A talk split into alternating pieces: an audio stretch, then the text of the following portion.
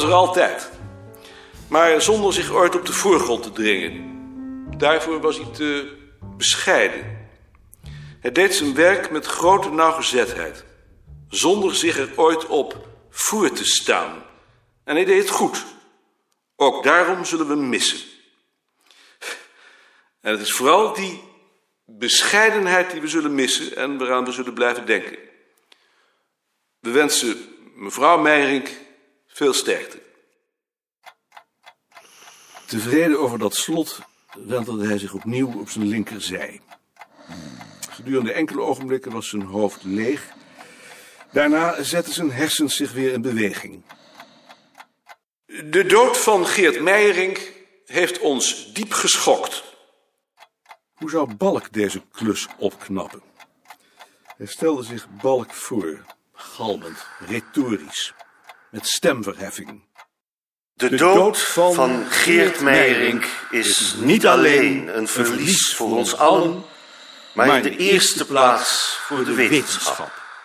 Slechts weinigen verenigen in hun persoon een zo grote feitenkennis en zoveel werkkracht als, als Geert. Wij zijn er trots op dat hij een van de onzen is geweest. Of woorden van gelijke strekking. Balk. Stel je voor dat hij op weg naar zijn congres of op de terugweg een auto-ongeluk kreeg.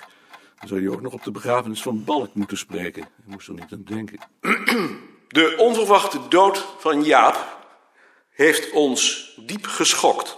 In zo'n geval kun je toch wel van een onverwachte dood spreken. Hoewel je er statistisch gesproken wel om vroeg als je altijd in een auto zat en zo reed als balk. Het is nog moeilijk om ons voor te stellen dat hij er niet meer is. Je nou eigenlijk niet eens ophouden met die onzin en gaan slapen? Te meer niet, omdat hij in zekere zin een sleutelpositie op ons bureau innam.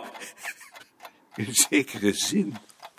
Balk zou razend zijn als hij dat hoorde in zijn kist. Glimlachend draaide hij zich op zijn rechterzij in een poging zijn gedachtenstroom een halt toe te roepen. De onverwachte dood van Jaap Balk heeft ons diep geschokt.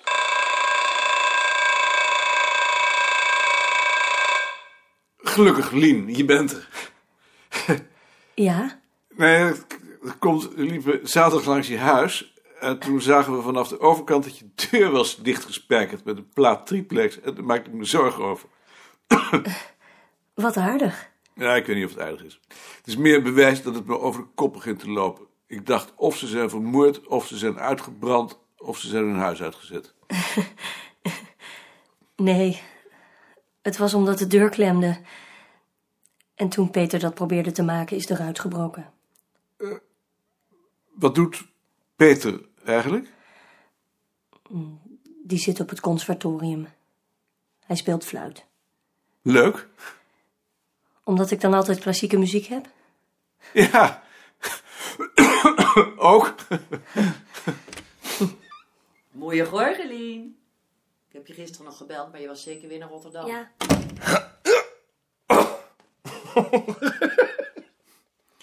Dienstplichtige wiggelaar meldt zich.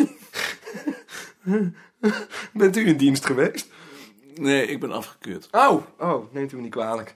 Nee, waarom zou ik je dat kwalijk nemen? Mijn broer is in dienst geweest. En een paar vrienden natuurlijk. Ja, eh, natuurlijk. Dag Maarten. Dag meneer Wiggelaar. Dag meneer Asjes. Je wilde iets vragen. Ja. Ik moet morgen mijn doctoraal doen. Kan ik daarvoor vrij krijgen? Of moet ik daarvoor een vakantiedag opnemen? Je kunt daarvoor vrij krijgen. Ja! Geweldig! En de ochtend daarna mag je uitslapen. Meneer Koning, Ja. eh, als u hier naar binnen wilt gaan, bovenlichaam ontbloten, hemd aanhouden, wachten tot u geroepen wordt. Ja.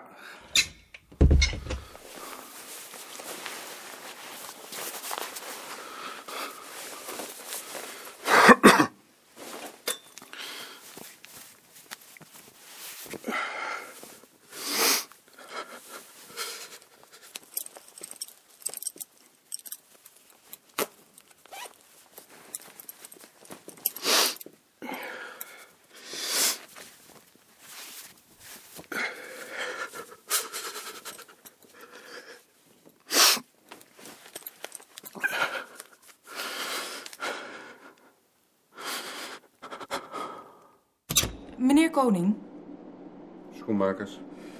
Koning, Die de klachten al lang? half jaar. Ik heb ze vroeger ook wel eens gehad en ik geloof dat u me toen ook hebt doorgelicht. Dat is dan meer dan vijf jaar geleden. Gaat u hier maar staan. Wat doet u? Ethnoloog. Is dat met die kleine beestjes? Als u zich nu iets opricht en uw buik intrekt... Nee, dat is entomoloog. Dit is met mensen. Ik had ook antropoloog kunnen zeggen. En drinkt u dit dan op?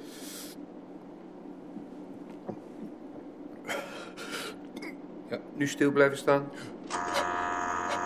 Stil blijven staan. Dank u wel. u kunt u weer aankleden, maar wacht u nog even in de wachtkamer.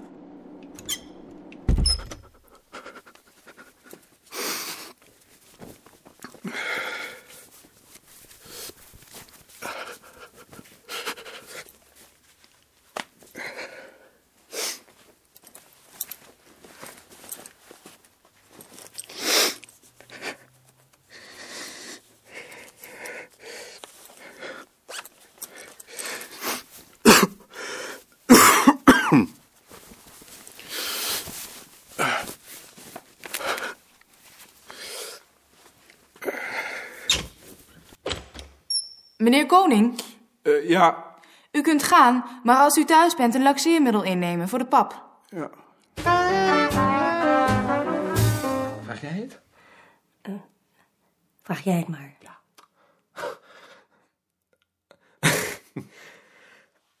Eh, we hadden het er eergisteren over, toen u naar meneer Beerta was, dat wij nu al drie maanden hier zijn en dat we alleen nog maar knipsels hebben gerubriceerd en fiches getikt. Maar daar zijn we toch eigenlijk helemaal niet voor opgeleid? Kunnen we nou ook niet eens wat anders gaan doen? Iedereen die hier werkt heeft eerst een tijd lang knipsels gerubriceerd en fiches getikt. Ik zelf ook. Zo lang. 15 jaar. 15 jaar? Het gaat mij erom dat deze dingen een, een automatisme worden. Jullie moeten eerst de systematiek en de trefwoorden zo muurvast in je hoofd hebben dat je er zelfs in je slaap mee kunt lezen en schrijven. Maar hoe lang duurt dat dan nog? Alles bij elkaar minstens een half jaar. Dus nog eens drie maanden. Nog eens drie maanden. Uitstekend. Nederigheid. En nu? Ingerukt, mars. Hey! Je hebt het gehoord? Ja, je houdt dit niet. Nee. Ehm, ik denk erover om Gert de verantwoordelijkheid te geven voor de volgende vragenlijst als grondslag voor een eigen onderzoek. Denk je dat Bart dat zal accepteren? Bart zal er zeker tegen zijn, maar daar kan ik geen rekening mee houden. En waarover moet het dan gaan? Ehm, het moet natuurlijk iets zijn dat aansluit bij zijn opleiding. Zoals het nu verdeeld is, doe jij de volksverhalen en de kerstboom. Laten we zeggen dat je dat uitbreidt tot het huiselijk leven. Sien doet de voeding, ik doe de materiële cultuur. Dan zou Gert de sociale cultuur voor zijn rekening kunnen nemen. De openbare feesten dus, en het verenigingsleven. En dan kan Lien straks het geloofsleven nemen. Denk je dat je dat kan? Weet ik niet. Ze moet eerst maar afstuderen. Misschien is dat wel wat. Op die manier zouden we met z'n vijven zowat het hele terrein bestrijken. Maar in ieder geval is het iets om over na te denken. Ik zal eens over denken. Eh, Waar zit Bart toch tegenwoordig? Die heeft zich geloof ik teruggetrokken in het kamertje naast Hans Wiegersma. Daar zit Labes, toch? Labes?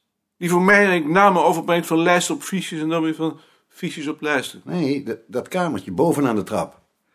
Heb jij enig idee wat hij dat doet? Ik denk dat hij aan zijn artikel werkt. Ik zal eens naar hem gaan kijken. Kom jij hier doen? Kijken waar je zit. Je hebt je hier maar teruggetrokken. Je komt toch niet met nieuw werk? Ik kom alleen maar kijken. Hoe kom je aan het bureau? Het stond hier. Het zou me niet verbazen als dat het bureau van Hendrik Ansing is geweest. Was dat niet wat donkerder? Ja, misschien was dat wat donkerder. Schiet je op? Jawel. Goed. Ehm, dan ga ik maar weer. Sterkte. Hallo? Kom je op bezoek? Ik Kijk eens wat je ervan gemaakt hebt. En? Vind je het mooi? Ik vind het heel mooi. Nee, maar ik ben echt heel enthousiast, joh. Je had het moeten zien. Zoals het eruit zag. Niet te geloven, nee. Het is het kamertje van Manda geweest. Wat doe je op het ogenblik? Oh, ik doe iets met vrouwentaal en seksismen in taal. Heel interessant. Dat kan ik me voorstellen. Ja, is niks voor jou, hè? Ik ben geen vrouw. Oh, maar ik heb niks tegen mannen, hoor. Nee, dat weet ik.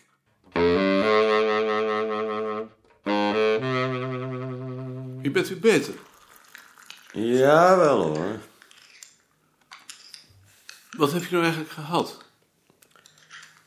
Volgens de doktoren had ik een kronkel in mijn darmen. Maar je duimen zitten toch vol kronkels? Dat dacht ik ook altijd. Maar het schijnt dat daar toch nog wel verschil in is. Maar nu is het over? Nu is het over. De onverwachte dood van Geert heeft ons allemaal, die hem gekend hebben en die van hem hielden, diep geschokt. Mag ik nog iets vragen? Tuurlijk. Was meneer Beerta nu eigenlijk ook fout? Nee, meneer Beerta was niet fout, maar hij had wel dezelfde ideeën. Oh ja? Anders had hij het op het bureau ook niet volhouden. Moet maar eens lezen wat hij over het volkskarakter heeft geschreven. Vol- Volgens Beerta is het karakter van een volk iets constants dat bepaald wordt door ras, klimaat en natuurlijke omstandigheden. En dat is nationaal-socialistisch. Dat dachten de nationaal-socialisten ook, ja. Maar u denkt dat niet. Nee, maar ik begrijp de behoefte. Ja? Ongelooflijk.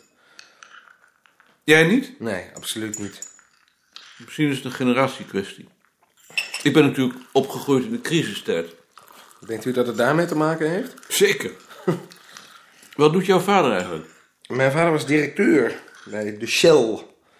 Je vader is dood. Nee, gepensioneerd. Mijn vader is 78. Alsjeblieft. Ja, wel oud hè. Ik dacht dat je vader verhuizer was. Mijn grootvader was verhuizer. Wiggelaar.